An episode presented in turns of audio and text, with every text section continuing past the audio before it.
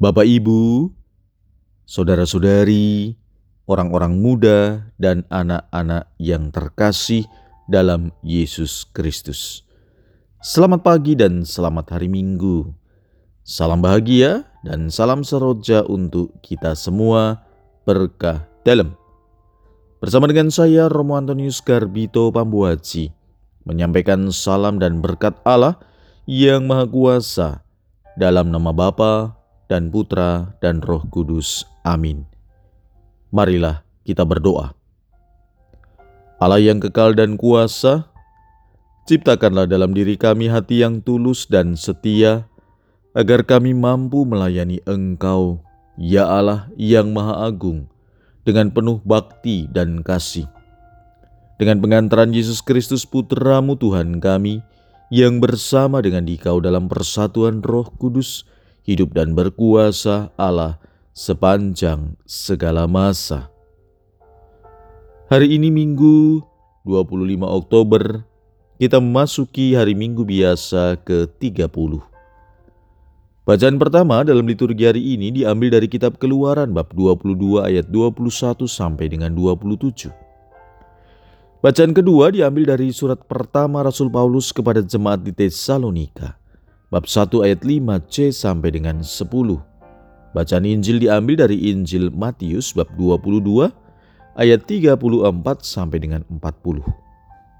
Marilah saudara-saudari kita mendengarkan Injil Yesus Kristus menurut Matius.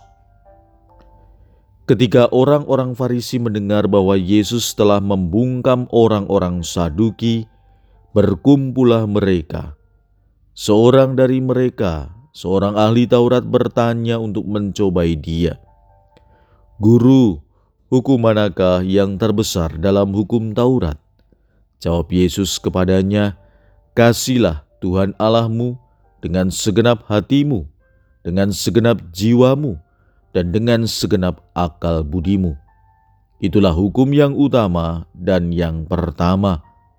Dan hukum yang kedua yang sama dengan itu ialah, Kasihilah sesamamu manusia seperti dirimu sendiri.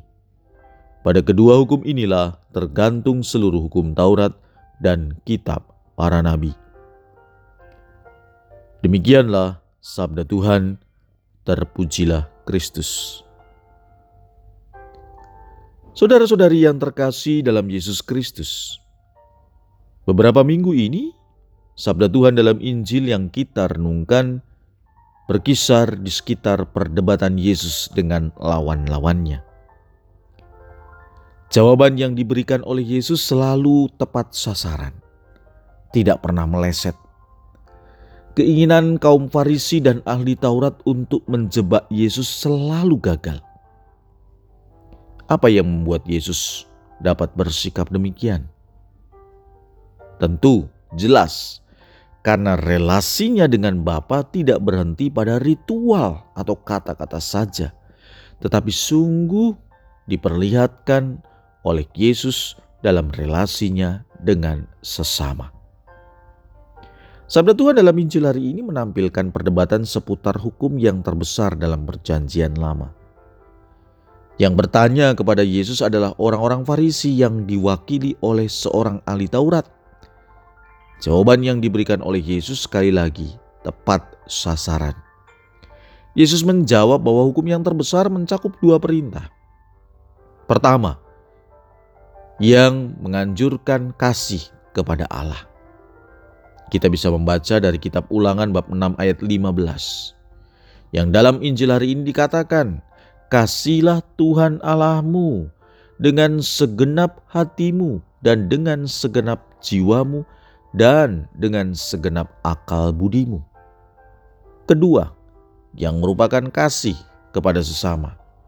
Kita bisa membaca dalam kitab Imamat bab 19 ayat 18.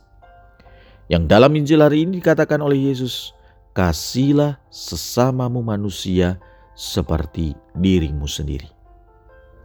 Kedua perintah ini merupakan benang merah tempat bergantung semua hukum dengan jawaban ini Yesus menunjukkan kesetiaannya terhadap tradisi Yahudi dan komitmennya kepada spiritualitas yang menekankan hal-hal yang hakiki. Saudara-saudari, inspirasi apa yang bisa kita petik dari ketiga bacaan hari ini? Dalam bacaan pertama, seperti orang Israel kita diajak untuk memperhatikan sesama yang paling lemah dan paling menderita, yaitu orang asing, para janda, yatim piatu. Dikatakan bahwa Tuhan sendiri penuh belas kasih terhadap mereka yang menderita. Dalam bacaan kedua, Paulus memuji umat di Tesalonika yang menerima sabda Allah dengan benar lalu menghayatinya, sehingga memancarkan sinarnya ke daerah-daerah sekitar. Kita yang setiap saat senantiasa mendengarkan sabda Allah juga diajak untuk menerima dan menghayati serta menghidupi sabda Allah dalam kehidupan kita tidak hanya diterima dan dimengerti, tapi sungguh dilaksanakan. Dalam Injil jelas diajarkan oleh Tuhan Yesus kepada kita bahwa kalau kita mengakui mencintai Allah, cinta itu hendaknya diwujudkan kepada sesama. Saudara-saudari, dalam kehidupan kita kasih sejati bukan saja tidak berbuat jahat, melainkan berusaha untuk mendatangkan kebaikan dan berkat bagi sesama.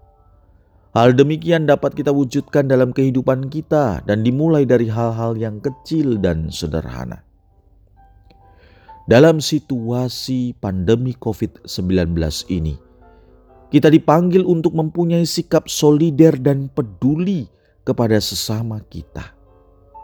Mari kita mewujudkan dua hukum Allah ini: kasih kepada Allah dan kasih kepada sesama. Semakin kita berbicara banyak tentang kasih, semakin kita tidak mampu mewujudkan kasih itu. Jika kita mengakui bahwa saya mengasihi Allah, maka hendaknya kasih itu kita wujudkan dalam kehidupan kita. Ibaratnya, seseorang yang menyatakan cintanya kepada kekasihnya, ia bukan hanya berkata-kata, namun ia buktikan. Mari kita berusaha mewujudkan cinta kasih yang nyata. Sekali lagi, dalam relasi kita dengan Allah dan dalam relasi kita dengan sesama. Marilah kita berdoa. Ya Allah, kami mohon sempurnakanlah dalam diri kami rahmat yang terkandung dalam sakramenmu, agar apa yang sekarang kami rayakan dalam tanda kelak kami nikmati dalam kenyataan yang sesungguhnya. Dengan pengantaran Kristus Tuhan kami yang hidup dan berkuasa sepanjang segala masa. Berkat Allah yang Maha Kuasa, dalam nama Bapa dan Putra dan Roh Kudus. Amin.